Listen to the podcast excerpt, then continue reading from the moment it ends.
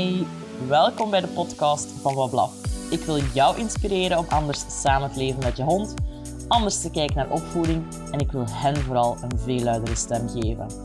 Vind je de content leuk? Vergeet zeker niet te delen en laat je reacties na op social media, at Wablaf. Ik wil alles horen.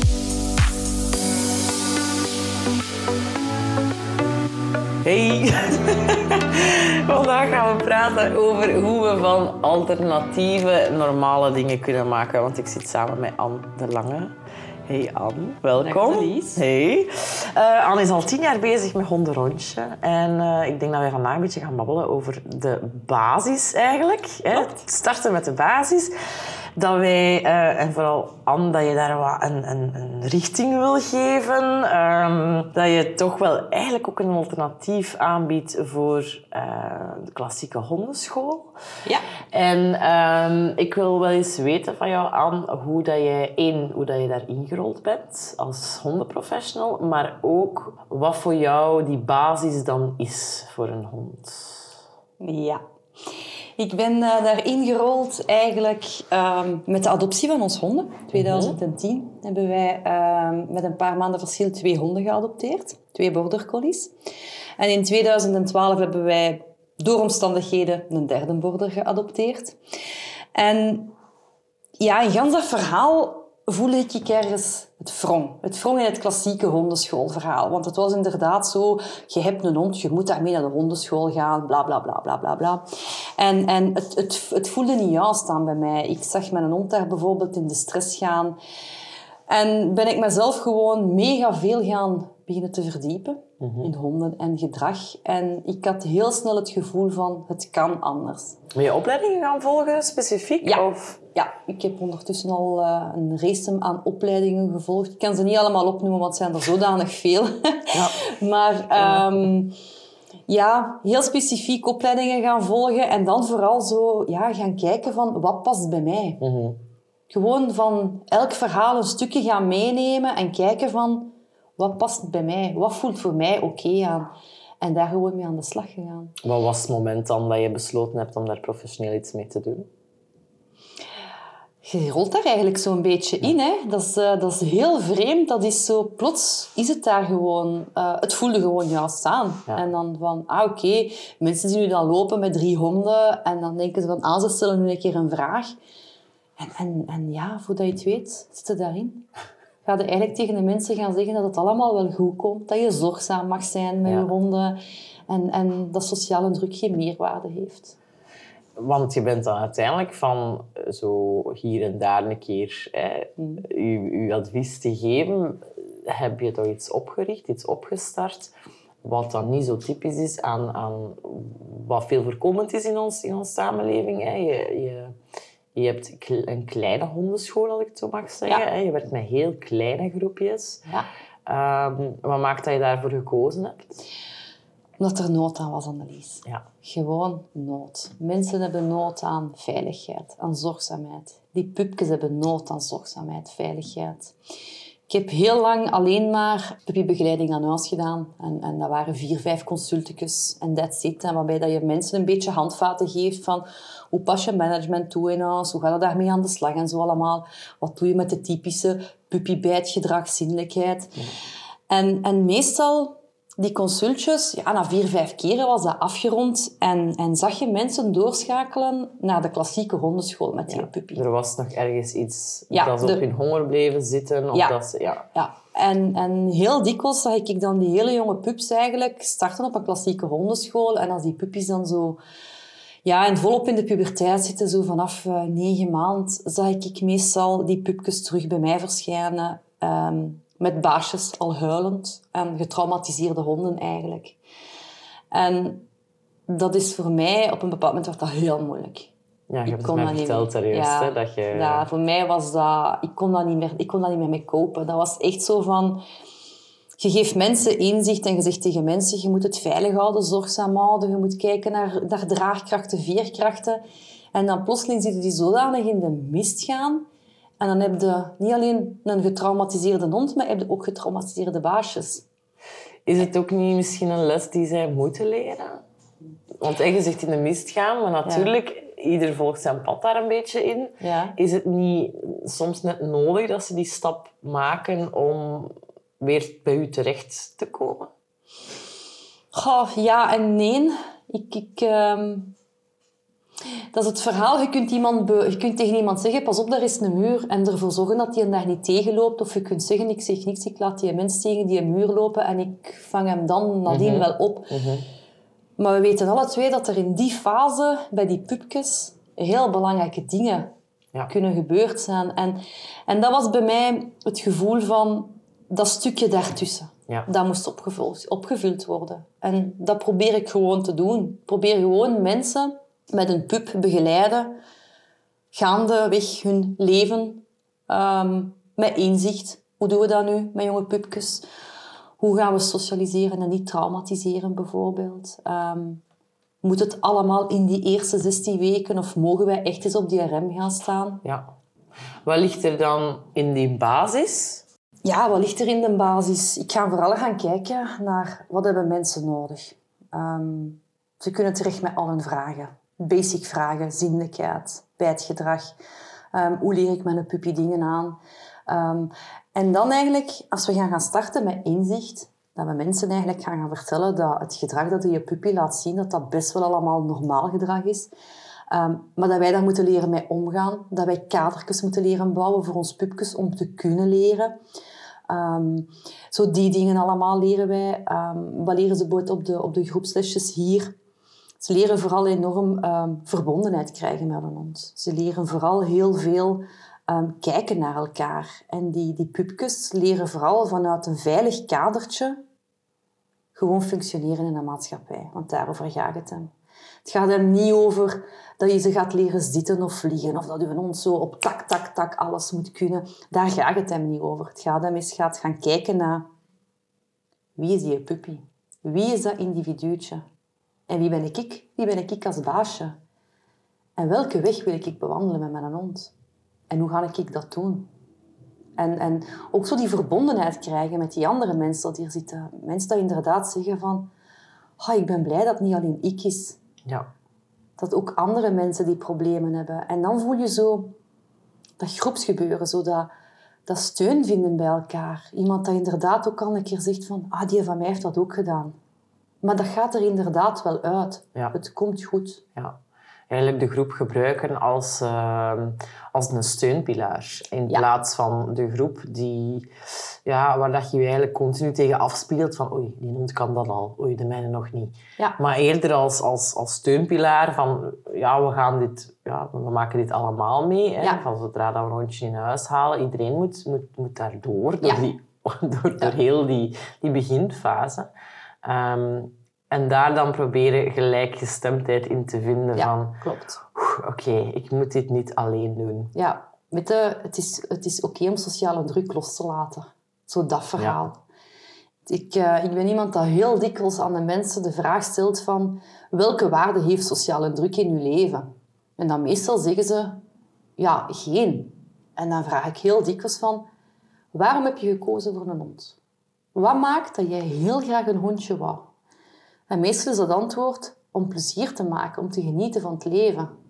Wat houdt u dan tegen om dat te doen? Dat gaat je niet gaan creëren door in de weerstand te gaan. Dat gaat je niet gaan creëren door te, te roepen of te tieren tegen je hond. Of door eh, te verwachten als je zegt, ziet, dat je hond lijkt een automatische piloot, paf, gaat gaan zitten. Daar gaat het hem niet over. Het gaat hem over keuzevrijheid gaan geven aan je pup. Zijn daar dan concrete oefeningen, om het hè, zo schools eh, te gaan benoemen, die, waarmee dat je die mensen dat echt kan aanleren om effectief meer in te zetten op keuzevrijheid? Wat, wat doe je dan exact met de mensen? Ha, ehm, wij starten altijd de les vanuit rust. Dat is een hele belangrijke. Heel dikwijls, de mensen moeten ook al een eindje rijden om naar hier te komen. En ze komen hier toe, het is wat file geweest. Dus ze zijn dikwijls al een beetje, ja, al een beetje over hun eigen drempel, al een Ja. beetje spannend. En dan zeg ik gewoon tegen de mensen, kom maar binnen, zet u maar even rustig neer, voorzie maar het matje voor uw puppy. En, en we landen letterlijk, letterlijk landen op de les. Mensen krijgen letterlijk echt zo vijf minuten, tien minuten de kans om gewoon helemaal tot rust te komen op de les. En dan gaan wij gewoon gaan kijken van, oké, zijn er vragen? En er is heel veel ruimte voor vragen te stellen. En dan gaan we aan de slag. En, en aan de slag gaan, dat start met verbinden met elkaar. En dat zijn dan de vrij basische dingetjes dat, we ook, dat ze ook wel leren op een klassieke rondeschool. Dat gaat zo effectief over leren de communicatielijn openzetten met uw puppy. Um, dat uw puppy weet dat hem, dat hem Louis noemt. En als je zegt Louis, dat uw puppy zoiets zegt van... Ja, wat gebeurt er? Wat moet ik doen?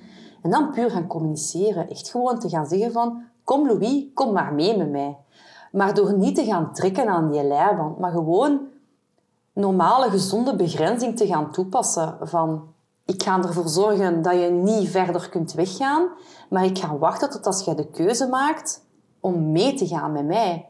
En op het moment dat je meegaat met mij, om die vreugde te gaan voelen. Dat is zo... Je kunt dat niet belonen met koekjes. Mhm. Dat is zo die vreugde voelen als uw pup iets doet voor u, zonder dat dat met een koekje gepaard gaat. Gebruiken wij koekjes? Natuurlijk gebruiken wij koekjes sowieso. Allee, ik bedoel, het gaat er ook wel over dat we klassieke dingen gaan aanleren. Maar over, als het gaat over communicatie en veiligheid, daar heb je geen koekjes voor nodig. Dat is een gevoel. Ja. En daar wordt op ingezet. ja. Leren gaan kijken van... Wat Dat je dat gevoel ook niet afhankelijk maakt van... En dan krijg je voedsel. Ja. Dat, Ja, Ja. voilà. voilà. Ja.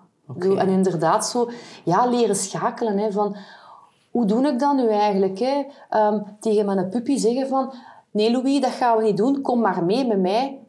Zonder dat ik al in de problemen geraak. Technisch gezien, als ze hier honden bij wijze van spreken toch bij elkaar zouden gaan er zouden toch honden beginnen spelen met elkaar of, of, of te dicht bij elkaar in de buurt komen, dan is dat geen potentieel gevaar, want dat zijn allemaal jonge pupjes. En natuurlijk zijn die heel speels, die pupjes. Maar het gaat erover van, dat wij als baas ook kunnen zeggen van nee Louis, nu niet. Nu ga je meekomen met mij. Ja. Net zoals dat we met kinderen doen. Hè. Ja. Kadertjes geven waarin dat we kunnen functioneren. Een gezonde functionele begrenzing toepassen ook. Ja, ja. En dan combineer ik ook wel nog heel veel... Ja, gewoon ook leuke dingen. Hè. Het gaat dan over... ehm uw pup bijvoorbeeld leren om gewoon mooi recht te staan. Je kunt je de vraag stellen, is dat nuttig? Dan denk ik, ja, dat is nuttig. Want dat is één, een spierversterkende oefening. Twee, dat is ook een, een makkelijke oefening om te gebruiken bij de dierenarts. Als, uw pup, als je je pup leert, als je zegt rechtop staan en dat je even moet blijven stilstaan en dat een dierenarts dan kan onderzoeken. Zo, die dingen allemaal. Ja. Je hebt daar juist tegen mij gezegd van... eh, we moeten stoppen met willen. Want eh, Ja, om te kunnen. om te kunnen, ja. Hoe past dat in uw filosofie als het gaat over, over wat je doet met honden? Verwachtingspatronen loslaten. Mhm. Ik verwacht van niemand, ik verwacht dat niet van mensen en ook niet van honden, dat zij iets kunnen. Ehm, als honden bijvoorbeeld op de les komen en, en die hond wil dat niet doen, dan wil hij dat niet doen. Heel simpel. Als die, dan mag van mij dat beestje samen met zijn bazeke gewoon rustig op zijn bankje blijven zitten en kijken. Kijken naar wat de andere honden doen. En als hij wel in beweging wil gaan of wel iets wil doen, dan kunnen we terug vertrekken. Het is zo... Het is dikwijls de vraag stellen van... Als jij wilt, dan kan jij dit doen. Mhm. En als je niet wilt, is het ook oké. Dan blijf ik gewoon bij u. Dan bied ik u zorgzaamheid en veiligheid. Dan blijf ik er ook gewoon staan. Blijf Want dat is wel een techniek die, die ik mij nog herinner uit, uit de vroegere trainingspraktijken. Is als je het niet wilt, dan ben ik weg. Ja, Hè, waarbij dat de leiband dan echt letterlijk aan een paal gangen wordt. ja, ja. Yo, eh, los het zelf maar op. Ja. Ehm, Het is toch traumatisch? ah, wel, Het is verschrikkelijk. het feit dat jij nu eigenlijk zegt van ja, nee, dan ben ik er ook. Ja, Dat moet waarschijnlijk wel een heel groot veiligheidsgevoel geven Ja. aan die hondjes. Ja. Ehm, ja. Ik zie, ik zie echt hondjes dat op de eerste puppyles gewoon... En dan spreken we over puppies van... van tien weken oud, want ze moeten wel minstens tien weken oud zijn om te starten op, eh, op de puppyles. Waarom? Omdat, ik weet ook wel, de meeste pupjes komen op acht weken bij de bazetjes. Maar we gaan eerlijk zijn, die eerste twee weken hebben die pupjes letterlijk nodig om te landen. Minstens, en om veiligheid Ja, te voelen minstens. en noem maar op. En in die privélessen zetten we heel veel in op dat gegeven. Veiligheid, communicatie. En de keer dat ze tien weken oud zijn, hebben ze ongeveer wel al een beetje veiligheid ervaren bij de basisjes. En dan gaan we, kunnen we starten met een groepsles.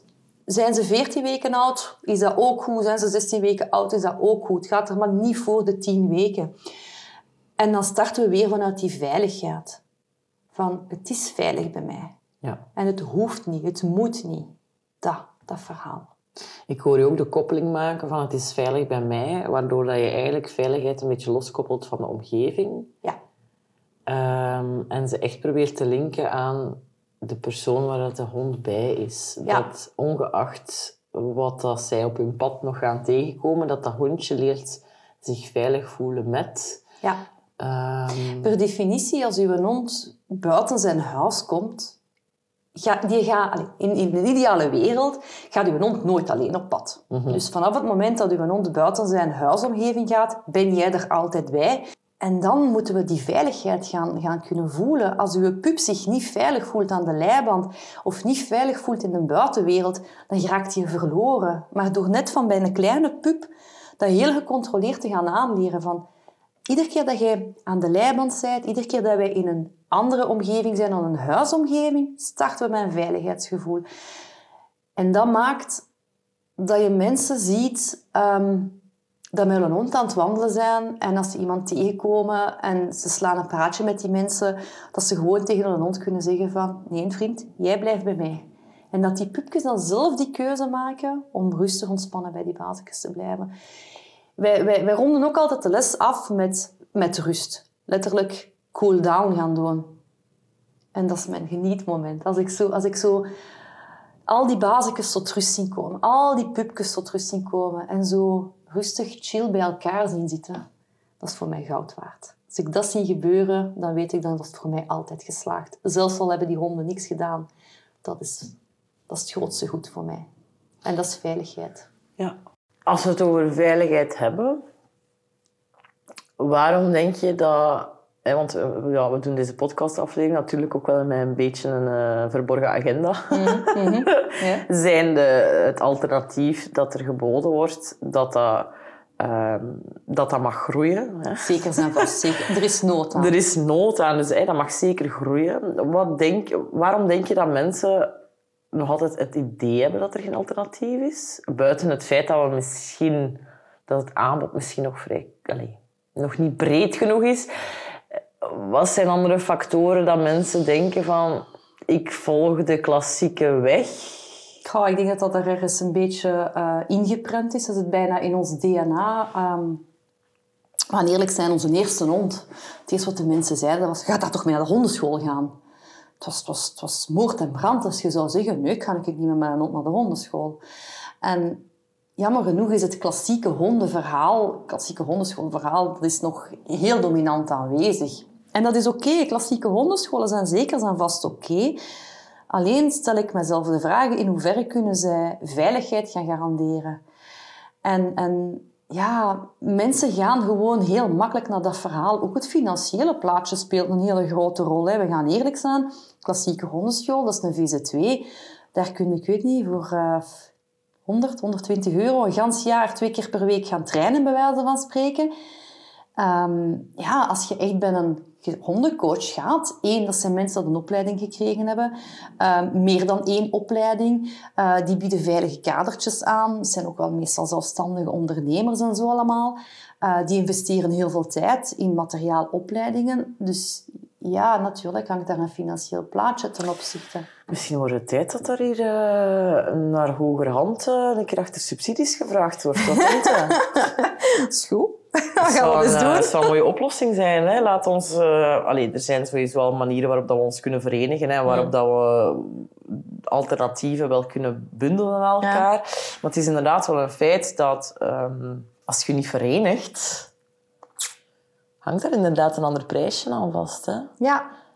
ja. En misschien is dat wel de volgende stap. Maar je kunt... Veel mensen betalen zonder probleem 1500 euro voor een pup. Zelfs, je hebt zelfs puppies dat veel meer kosten. En, en die pups zijn dat geld waard. Hè? Want, want veel mensen denken, ja, maar in de fokker, hè, 1500 euro, kassa, kassa, no way, vergeet het. Hè? Die mensen houden daar niet heel veel aan over.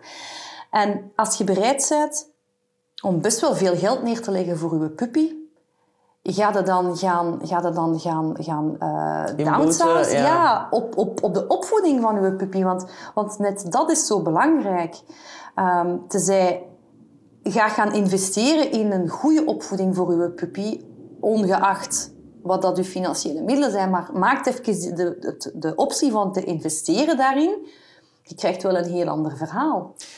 Eigenlijk zou een goede opvoeding, net zoals bij kinderen, een fundamenteel recht zou moeten, moeten kunnen zijn. Ja. Met daar dan ook, hè, daarmee dat ik ook daar juist sprak over subsidies, Ja, ehm, onze maatschappij zou daarin mogen meedragen.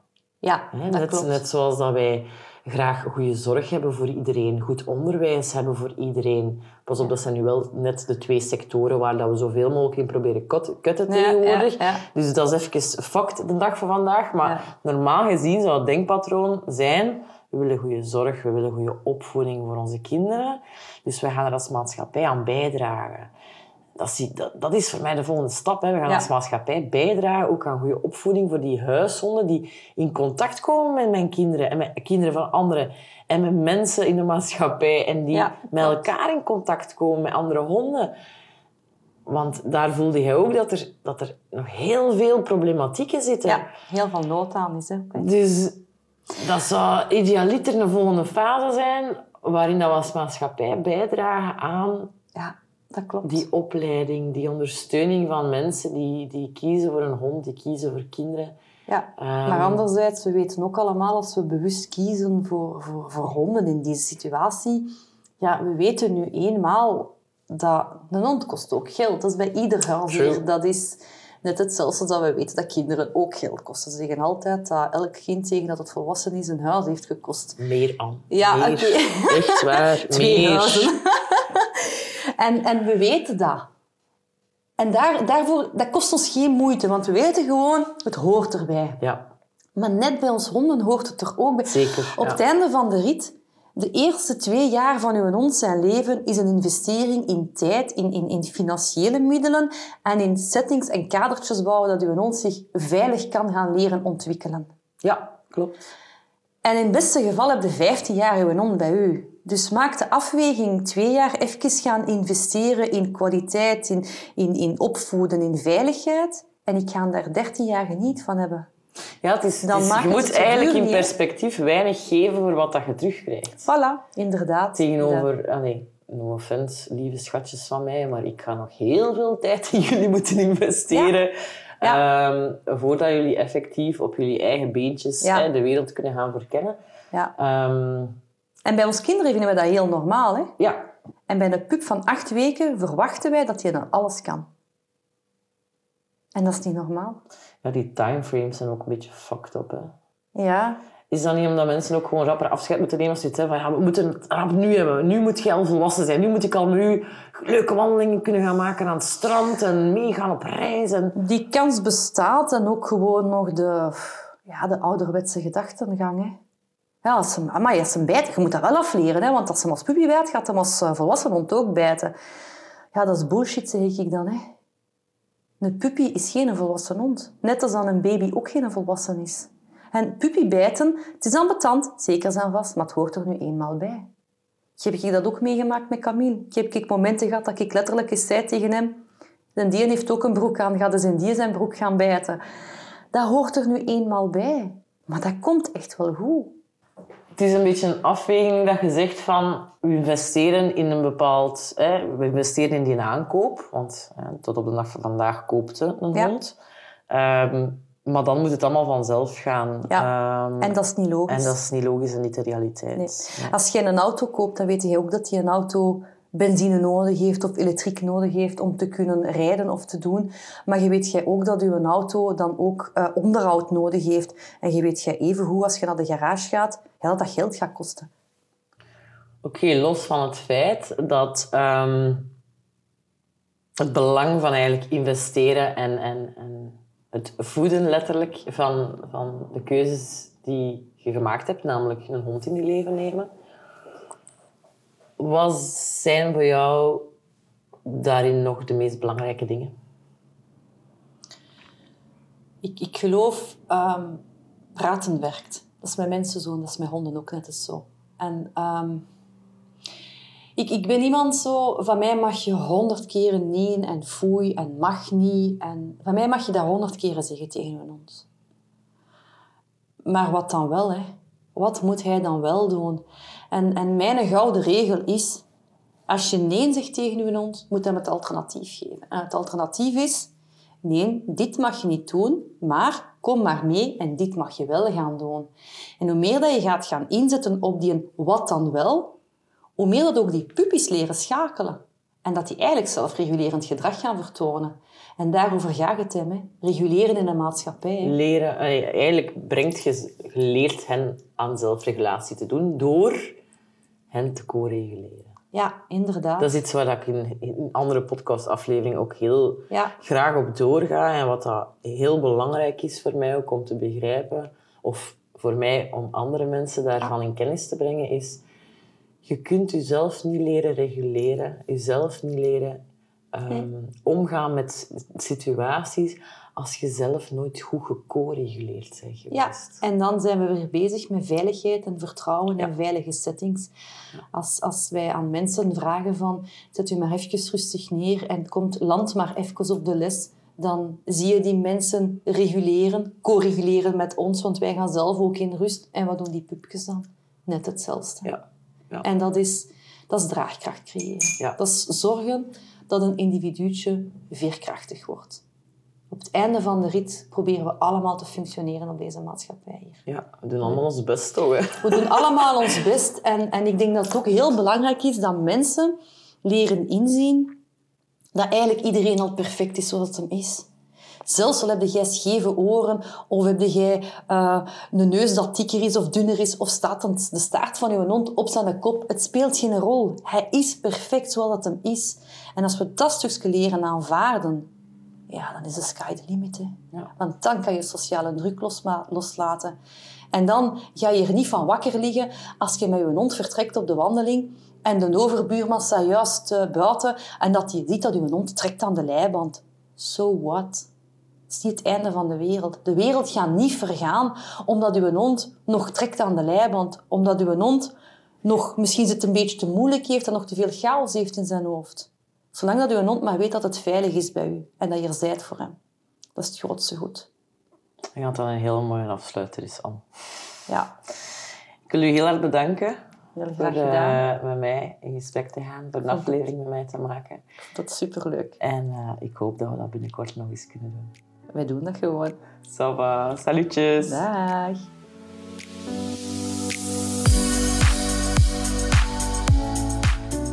Bedankt om te luisteren.